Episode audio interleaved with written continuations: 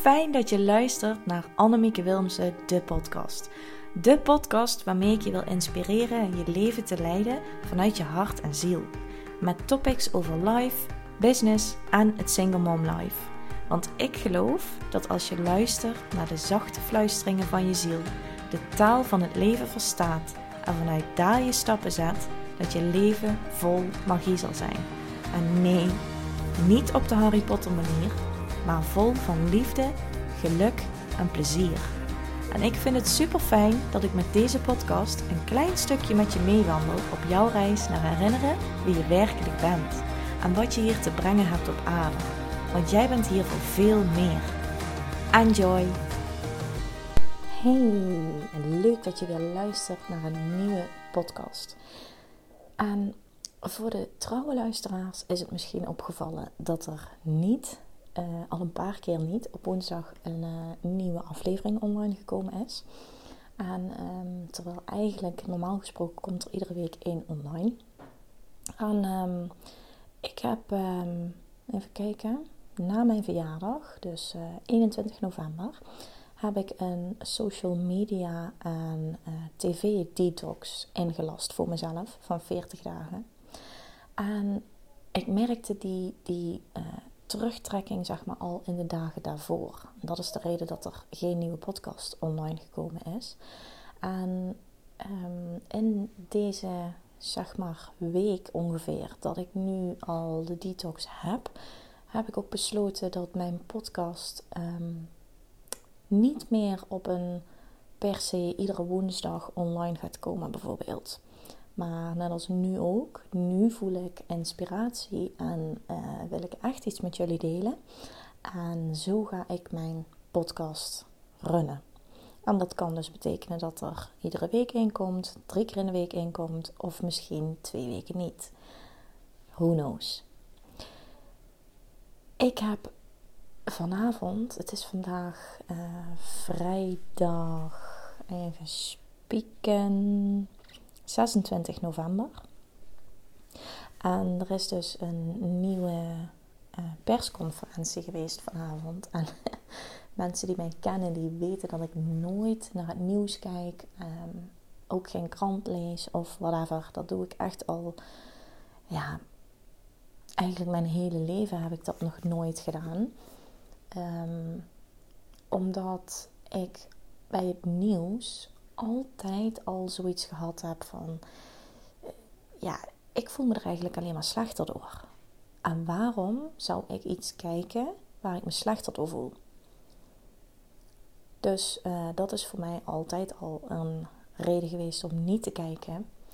En sinds vorig jaar april, hè, vorig jaar maart, um, is uh, corona langsgekomen. En alles wat daarbij komt kijken. En um, in april um, ben ik dieper gaan graven. En ben ik op informatie gestuurd die, ja, die mij echt de ogen geopend heeft. En wat voor mij ook heel duidelijk maakte waarom ik dus eigenlijk nooit naar het nieuws gekeken heb. Want dat is gewoon een onderliggend gevoel geweest. Die onderstroom die altijd aanwezig is in jezelf. En als je daarnaar luistert en als je die volgt, zit je altijd goed. Dat is namelijk je ziel die tot jou spreekt. En ik ben daar onder andere ook op dingen gestuurd, zoals dat bijvoorbeeld de mainstream media, dus bijvoorbeeld het journaal en uh, al die praatprogramma's en Hè, dat dat eigenlijk aangestuurd wordt door een overkoepelend iets. En dat overkoepelende iets is gewoon echt um, evil. Het is gewoon echt het kwaad der kwaad. En het is de bedoeling van die mainstream media om ons te hersenspoelen. En om ons vooral niet bij die diepe onderstroom van onszelf brengen, maar ons daar juist van af te scheiden. En um, ik probeer nu heel veel informatie heel uh, concreet samen te pakken, omdat ik het is niet mijn bedoeling om daarover uit te wijden in deze podcast. Dat ga ik misschien in een andere podcast nog doen. Want ik, heb, uh, ik ben dus 20 november ben ik jarig geweest, vorige week. En uh, ik wilde heel graag een boek hebben, De Heks van Limbricht van Suzanne Smit. Omdat uh, ik er één hele goede verhalen over hoorde. En twee, ik uh, ja, sinds kort ook bezig ben meer met mijn eigen heks zijn. En dat dat allemaal naar boven aan het komen is. En, um, dus daarom wilde ik die hebben. Ik heb hem op zaterdag gekregen. En op maandag had ik het boek al uit. En jongens, ik kan je vertellen, het is echt, echt, echt een aanrader. Echt. Omdat het is, uh, daar staat op, het is een roman. Het is gebaseerd op uh, waar gebeurde feiten omtrent Entgen Luiten. Dat is dus de heks van Limbricht. En, um, maar er zit zoveel meer in. Er zitten ook zoveel meer dieperliggende boodschappen in, bijvoorbeeld. En de kerk heeft um, sinds dat die opgekomen is, want wij zijn van origine zijn wij helemaal niet katholiek. Wij zijn van origine, onze voorouders zeg maar, die um, dat waren heidenen, om het zo maar even te zeggen, zo werd het toen genoemd.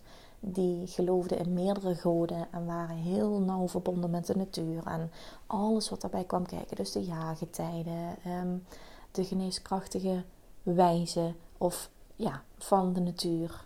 Um, alleen toen de, uh, het katholieke geloof naar Nederland is gekomen en dat langzaam zijn intrede ging doen, werd dat werd ons geloof, dus wat we van origine hadden, werd afgedaan als heidens. En hè, dat, dat, dat, dat kon allemaal niet. En dat was uh, satanisch. En, hè.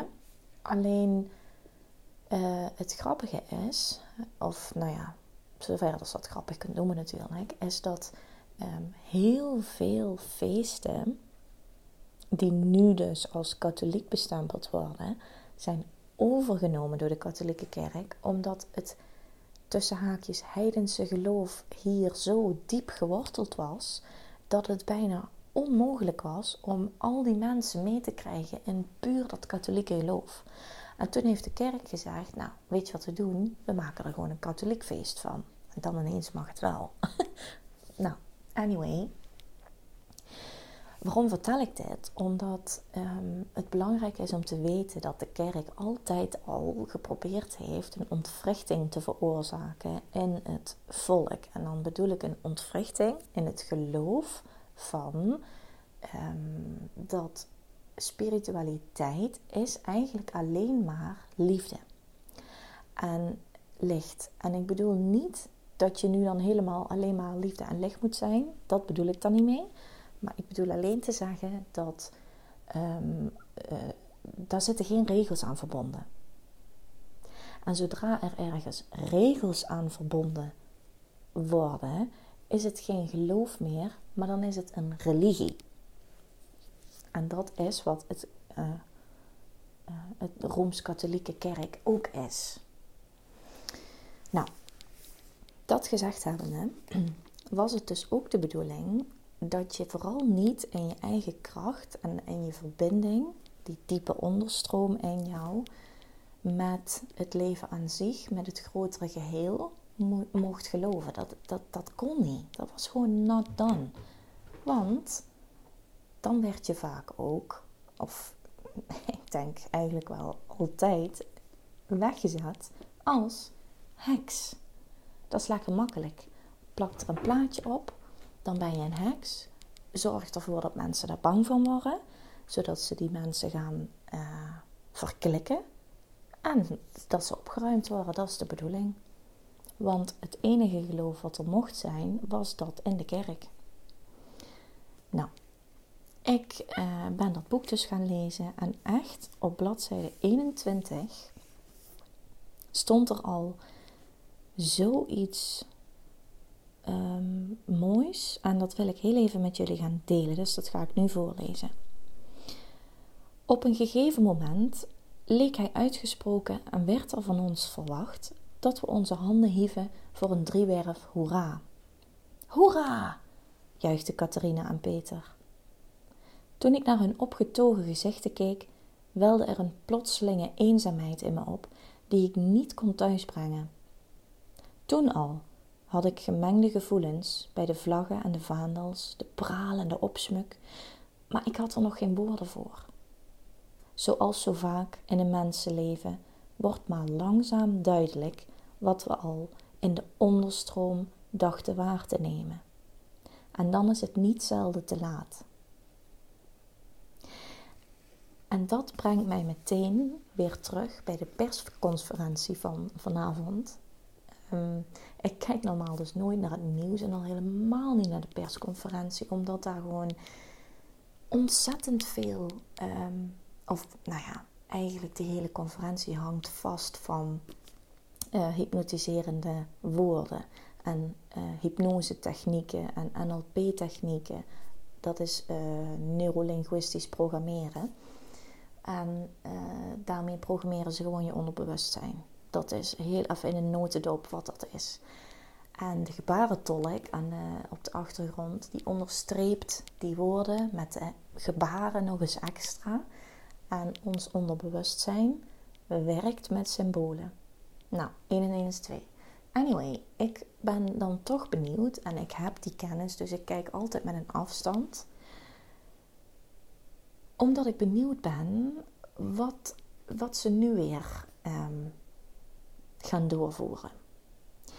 En ik kan je vertellen dat ik echt een paar keer gewoon moest lachen om wat er verteld werd. Um, en ik wil helemaal niet corona aan zich bagatelliseren. Dat even vooropgesteld. Het is al eigenlijk erg dat ik dat überhaupt moet zeggen, maar oké. Maar ik wil wel onderstrepen dat, en ik hoop echt dat ik dat duidelijk kan gaan maken in deze podcast, dat het echt een poppenkast is.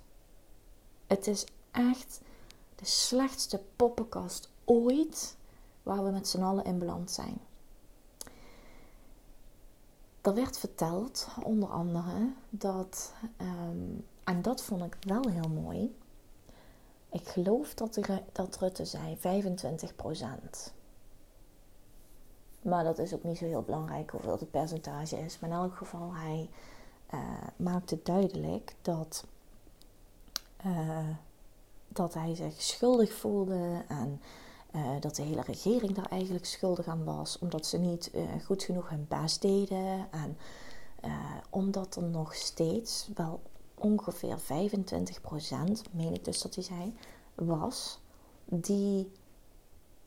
En dat lees ik tussen de regels door, dat heeft hij niet zo letterlijk gezegd, maar die zich dus niet aan die maatregelen houden.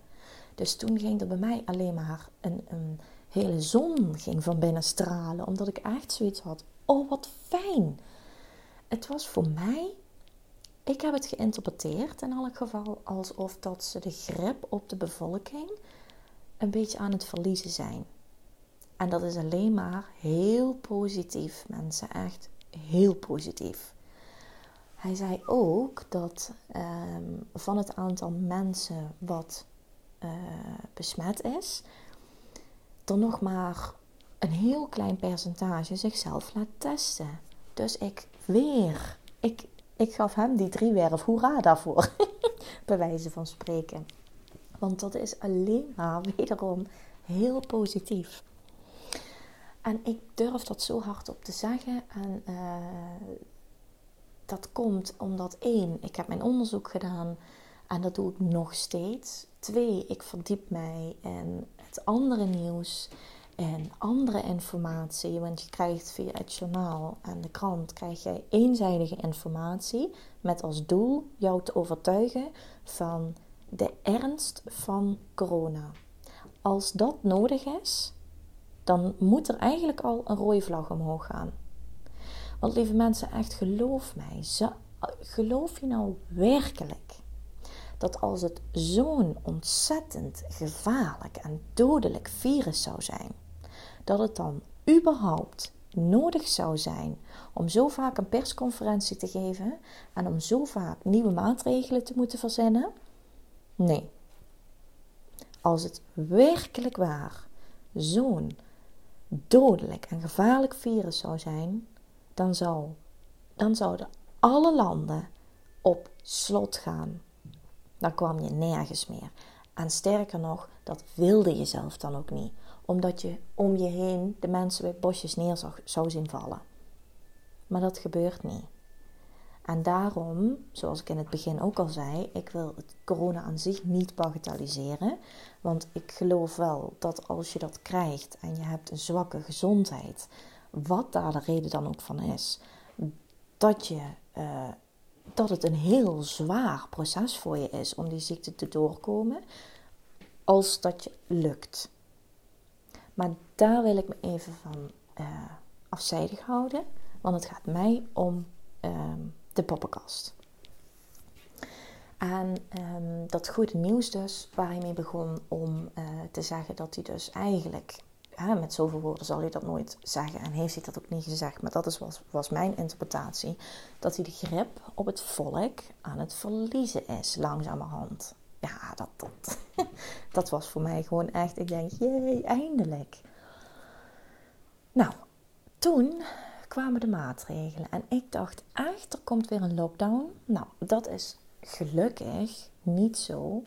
Alleen ehm, is het wel zo dat er heel veel uh, beroepsgroepen zijn die om deze nieuwe maatregelen wederom ontzettend zwaar te lijden hebben als ze er al doorkomen. Maar goed,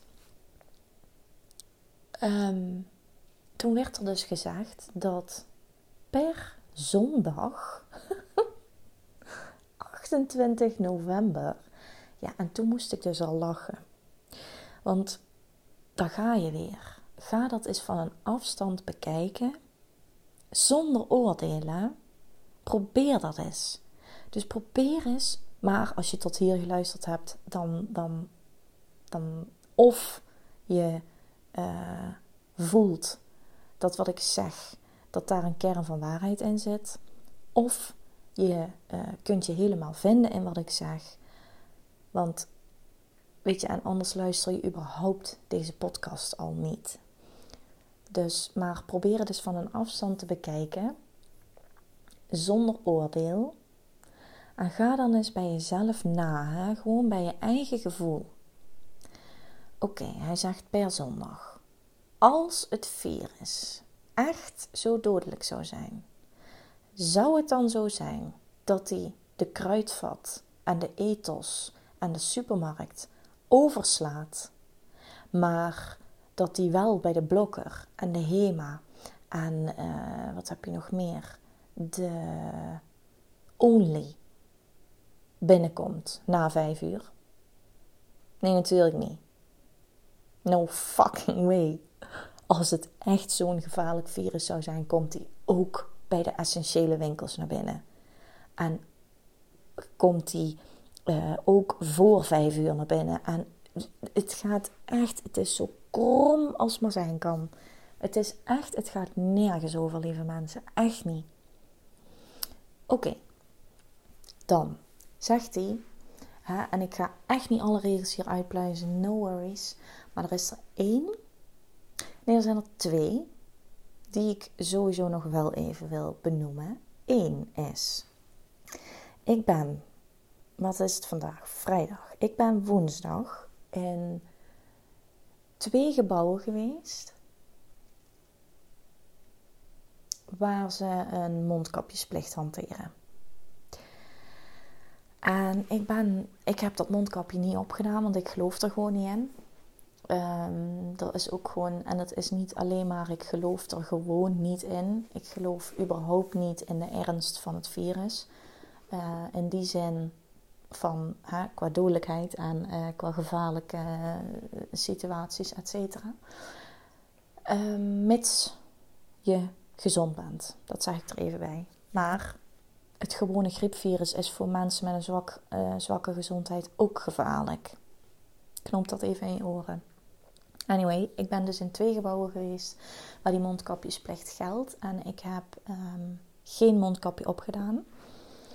En ik zit in die stoel te wachten. En ik ben gewoon eens aan het observeren, weet je wel. En wat ik zie is. En ik ga het echt proberen om het zo goed mogelijk onder woorden te brengen. Maar het is net alsof dat je naar een ehm, hele, hele slechte B-film aan het kijken bent. Soort van. Want de mensen die lopen, die hebben een mondkapje op.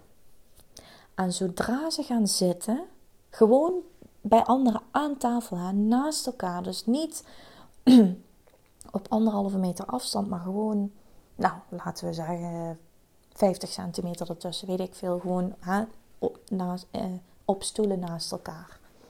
En ze doet dat ding af. Want ook daar geldt natuurlijk weer dat virus denkt: hé, hey, daar loopt er een, die pak ik. Oh, ha, kak, hij heeft een mondkapje op. Oh, die heeft hem niet op, daar ga ik heen. Oh, hij zit. Nee, die kan ik niet pakken, want hij zit. Ja, maar als je zit, dan kan ik je niet pakken. Jongens, echt. ik kan niet genoeg onderstrepen hoe bizar dat dat is. En dat je werkelijk gelooft dat als jij dus loopt zonder mondkapje, dat je onveilig bent. En dat als je zit zonder mondkapje, dat je dan veilig bent. Dat is echt bizar. Als er een uitbraak zou zijn van ebola of weet ik veel wat even voor een gevaarlijk virus. Trust me, dan, dan zou de wereld er echt heel anders aan toe zijn op dit moment. Echt. Oké, nou, hè, uh, die, uh, ik had een gesprek en um, diegene waar ik het gesprek mee had, die kwam naar mij toe en uh, die sprak mij meteen aan. Zegt, heb je mondkapje? Ik zo, nee, oh nee, ha, heb ik niet bij. Want je kunt niet altijd en overal, en dat is op zich ook al heel erg, zeggen hoe jij er zelf in staat. Oh ja, uh, ben je daar binnengekomen? Want uh, daar liggen ze, kun je ze gewoon pakken. Nou, oké, dus ik zo'n ding gepakt en ik hield dat iedere keer met mijn hand ertussen, zeg maar, een, ja, een stuk of 10, 5 centimeter van mijn, van mijn gezicht af. En wij gingen vervolgens aan een tafel zitten van nou, diep is een tafel? 70 centimeter.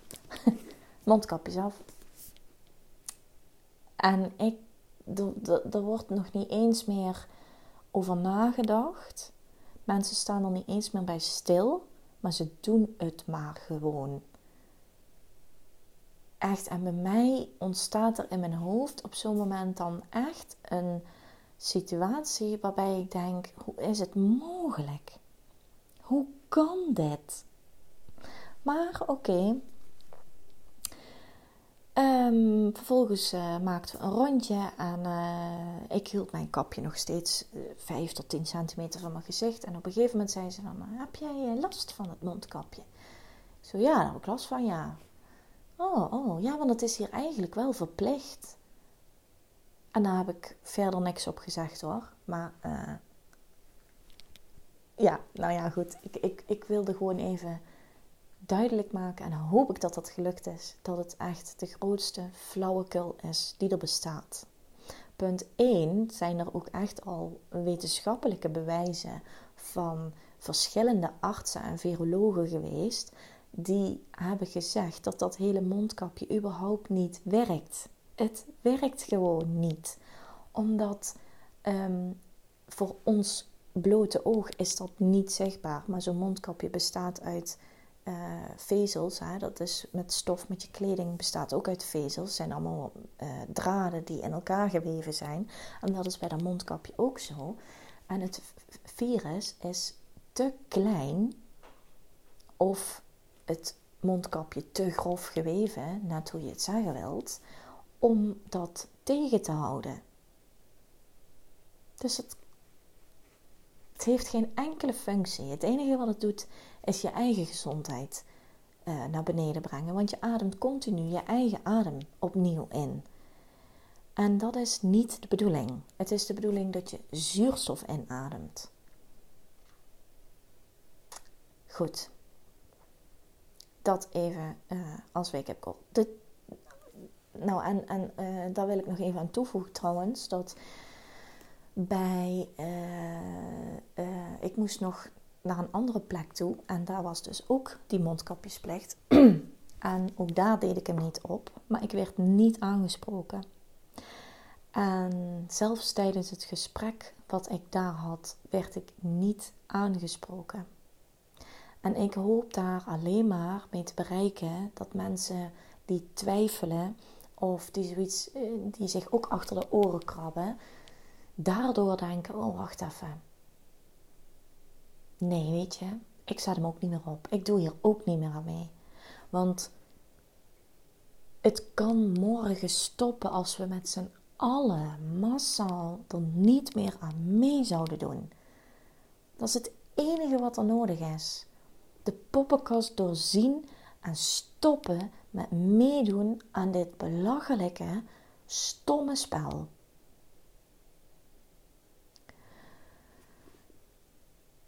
Sterker nog, ik had een gesprek met twee artsen. En ook die spraken mij er niet op aan. En hadden zelf het mondkapje ook niet op. Nou, vervolgens zegt uh, uh, Rutte dat vanaf zondag ook de anderhalve meter afstand weer geldt. En nu, kijk, er zal vaker toch wat onrust uh, bij de bevolking gekomen zijn. In die zin van, ja, maar als het echt zo erg is, hoezo wordt het dan niet per direct ingelast? En waarom is dat dan uh, twee dagen later? En uh, denkt dat virus dan op die twee dagen later van, hé, hey, nou ga ik weer toeslaan. Want hij heeft zichzelf ingedekt door te zeggen, ja, en ik hoor, nee, ik zie u nu denken, waarom dan niet nu meteen, maar pas vanaf zondag? En toen kwam hij echt met een lulverhaal over dat het dan fijn was om die tijd nog te hebben voor uh, gezagvoerders en uh, weet ik veel wat, wat hij allemaal noemde, om uh, regelingen te kunnen treffen. Om tafels op afstand te kunnen zetten, om stoelen te kunnen plaatsen. Weet je dat? en dan denk ik, ja, tuurlijk. Wij hebben te maken met een super dodelijk en gevaarlijk virus. Maar vanaf zondag pas. Nu heeft dat virus heeft zoiets. Nou, weet je jongens, ik geef jullie nog even de mogelijkheid om even alles te regelen. Zodat als ik zondag kom, dat jullie dan uh, veilig zijn. Ondanks dat ik langskom, zijn jullie veilig. Want hè, jullie hebben de maatregelen kunnen treffen. Nou, my ass natuurlijk. En eh, het is ook zo belangrijk om te weten dat een mens niet gemaakt is op die afstand. Mensen krijgen huidhonger. Mensen zijn sociale dieren. Sociale dieren. En daarvoor is contact juist heel belangrijk. Nou, en verder is natuurlijk de basisschool, uh, die is veilig.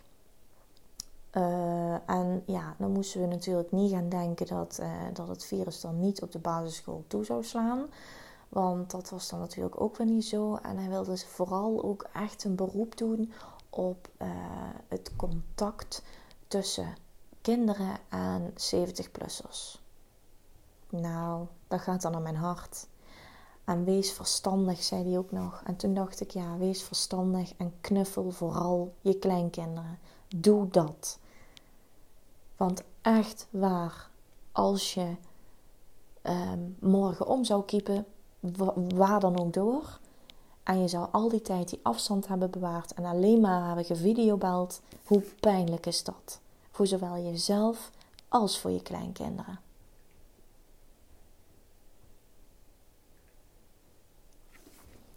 En wat heeft dat nu dan allemaal met Entgen Luiten te maken. Nou, ik merk dat het sowieso al niet mijn bedoeling was om zo uitgebreid in te gaan op die maatregelen. Maar blijkbaar eh, dacht eh, van boven daar anders over. Om het zo maar even te noemen. Ehm,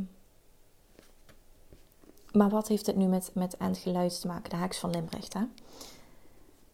Zij was een vrouw die niet bang was om haar waarheid te spreken. Om te doen wat voor haar goed voelde. Wat voor haar als waarheid voelde om dat uit te spreken. En het heeft mij zo geïnspireerd. En ik, ik heb zoveel herkenning gevonden in dit boek. Zij is op een gegeven moment veroordeeld tot heks op een bizarre wijze. Gewoon omdat het kon eigenlijk. Zo moet je het zien. En zo ging dat met al die tussenhaakjes heksen en heksenjachten. Want ehm, ik uh, vond het ook heel mooi hoe Suzanne Smit in haar nawoord zegt dat de heksenvervolgingen beter um, vrouwenvervolgingen kunnen worden genoemd. Want uh, zeker 85% van alle heksen was vrouw. En um, even kijken, hier staat het ook aan. De vrouwen die werden aangewezen als heks waren mondige vrouwen. Vaak waren ze alleenstaand of weduwe op leeftijd, eigenzinnig, ongehoorzaam aan de priester en of echtgenoot. Dat zou je nu kunnen zetten onder de regering bijvoorbeeld. Ehm, want trust me, de niet gevaccineerde kan nog wel eens een hete strijd gaan worden. Ja, en dan heb ik het zacht uitgedrukt. Ik dacht eigenlijk dat dat al wel al aan de hand zou zijn, maar dat valt nog mee. En ik denk dat dat echt komt omdat er gelukkig steeds meer mensen zijn die zich achter de oren krabben en die zoiets hebben van ja, daar klopt iets niet. Die luisteren naar die diepe onderstroom van binnen en die voelen aan alles van nee jongens, maar ja, ik, in het begin geloofde ik het nog wel, maar nu, nu vind ik het toch wel een beetje eigenaardig. Want nou begin ik me toch, nee, daar klopt iets niet. Anyway, ik lees even verder. Die in hun eigen onderhoud voorzienend waren. Ze waren wat je noemt lastige vrouwen, tussen haakjes. De heks belichaamt een vrouw met macht die bevrijd is van alle overheersing en beperking. Want dat is wat de regering ook op dit moment aan het doen is. Ze doen niks anders dan overheersen, beperken, bepalen voor jou om te kijken hoe ver ze kunnen gaan. In hoeverre luister jij? In hoeverre ben jij nog een slaaf van het systeem? En ja, dat heb je goed gehoord. In hoeverre ben jij nog een slaaf van het systeem? Zij is de ongehoorzame of ongebondene te midden van een patriarchaat. Zij is de vrouw met iets te vrije, tussen haakjes, seksuele opvattingen binnen de kerkelijke gemeenschap. Zij is, met andere woorden, de vrouw die het systeem trotseert of ervoor kiest zich er afzijdig van te houden en haat haar eigen weg te gaan. En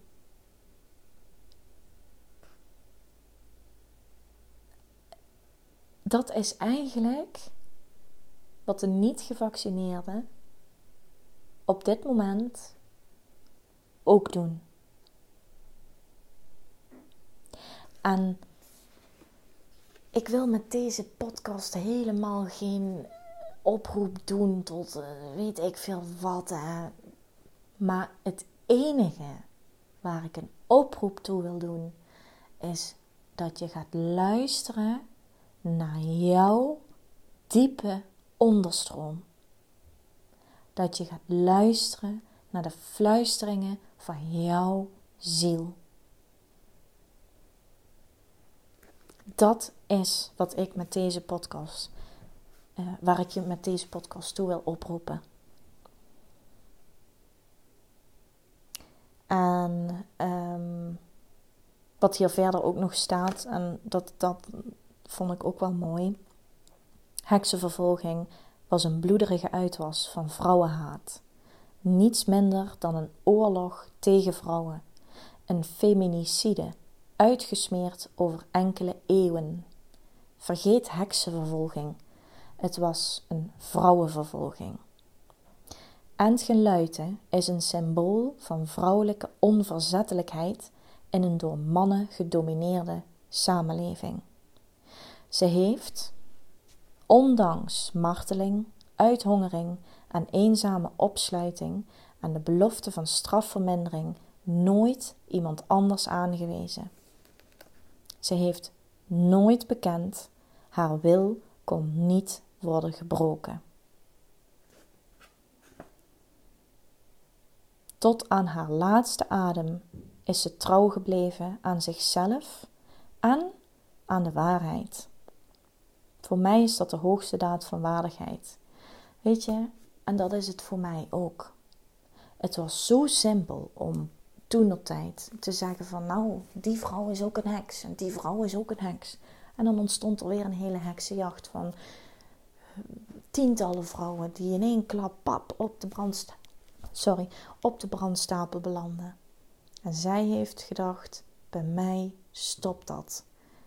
Bij mij stopt dat. En als iedereen op dit moment zo zou gaan denken: bij mij stopt het, dan stopt het ook. Zo simpel is het echt. En ik zeg zo simpel, maar ik kan me voorstellen, weet je, de nieuwe wereld, in a way is die er al. We zijn er in elk geval met z'n allen naartoe aan het bewegen. En licht en liefde is heel belangrijk. Maar je komt met alleen maar licht en liefde niet daar waar je wilt zijn. Je komt niet in die nieuwe wereld met alleen maar licht en liefde. Je zult ook je eigen stukken aan moeten kijken. Je zult echt ook in die spiegel moeten kijken. En dat betekent dat je ook voor je eigen waarheid moet gaan staan. En dat betekent dat als je dat doet, ja, dan kun je mensen over je heen krijgen. Maar dat zegt altijd iets over die mensen en niet over jou. Nog heel even terugkomend op de persconferentie, want ik bedenk me nu ineens iets wat ik ook heel belangrijk vond om aan te stippen. Was dat ze vorig jaar zeiden: Oh, als iedereen gevaccineerd is, dan uh, zijn we veilig aan. Uh, dan uh, komt alles weer goed. Heel zwart-wit. En inmiddels zijn we een jaar verder. Zijn er al heel veel mensen geprikt, want het is geen vaccinatie. Ga je daar ook maar eens in verdiepen. Het is per ongeluk een vaccinatie genoemd, maar het mag officieel geen vaccinatie heten. Want het is geen vaccinatie. Dus het is eigenlijk een injectie. En wat erin zit, precies, dat is geheim. De bedrijven die het ontwikkeld hebben, kunnen niet aangeklaagd worden. Hoezo niet? En als iets zo goed voor ons zou zijn, waarom mogen wij dan niet weten wat erin zit? Zo zijn er ook al uh, verschillende en echt heel veel mensen die schade opgelopen hebben na die prik. Maar daar wilde ik niet heen. Waar ik heen wilde is. Toen zeiden ze: dan zijn we veilig en dan is alles weer goed. En nu zijn we dus een jaar verder. En nu merkte ik dat uh, Rutte in zijn uitspraken al veel genuanceerder was. Want de mensen die de prik gehad hebben, kunnen evengoed nog besmet raken met corona. Hoe kan dat?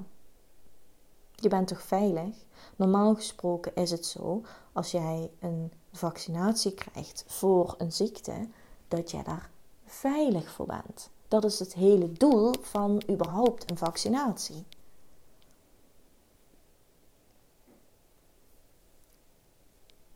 Laat die maar eens even inzinken. Dus hoe kan dat dan? En inmiddels zijn er al twee, drie, ik weet niet hoeveel prikken geweest. Maar hoe kan dat dan? En toen had de jongen het erover dat er al verschillende mensen zijn die corona gehad hebben. En mensen die corona gehad hebben, die hebben ook immuniteit. Nou, daar geloof ik wel in, want dat is namelijk hoe het menselijk lichaam in elkaar zit. Heel vernuftig. En evengoed als jij geprikt bent, kun jij het dus krijgen en moet jij jou testen. En uh, de kinderen op de basisschool vanaf groep 6, eerst was het vanaf groep 8, maar nu is het vanaf groep 6, moeten een mondkapje op in de wandelgangen en moeten twee keer per week getest worden. Of dat ze nou klachten hebben of niet, twee keer per week testen. Waarom? Waarom? Dus nogmaals, ik ga nog eventjes dat stukje voorlezen. Op een gegeven moment leek hij uitgesproken en werd er van ons verwacht dat we onze handen hieven voor een driewerf hoera. Hoera! juichten Catharina en Peter. Toen ik naar hun opgetogen gezichten keek, welde er een plotselinge eenzaamheid in me op, die ik niet kon thuisbrengen. Toen al had ik gemengde gevoelens bij de vlaggen en de vaandels, de praal en de opsmuk, maar ik had er nog geen woorden voor. Zoals zo vaak in een mensenleven wordt maar langzaam duidelijk wat we al in de onderstroom dachten waar te nemen. En dan is het niet zelden te laat. Ik denk dat het voor ons in elk geval in dit geval nog niet te laat is. Dus ik hoop dat deze podcast je heeft geïnspireerd om vanaf nu ook naar jouw diepe onderstroom te gaan luisteren. Doe je onderzoek. Ga het nieuws achter het nieuws bekijken. Zonder oordeel, maar gewoon met een open blik.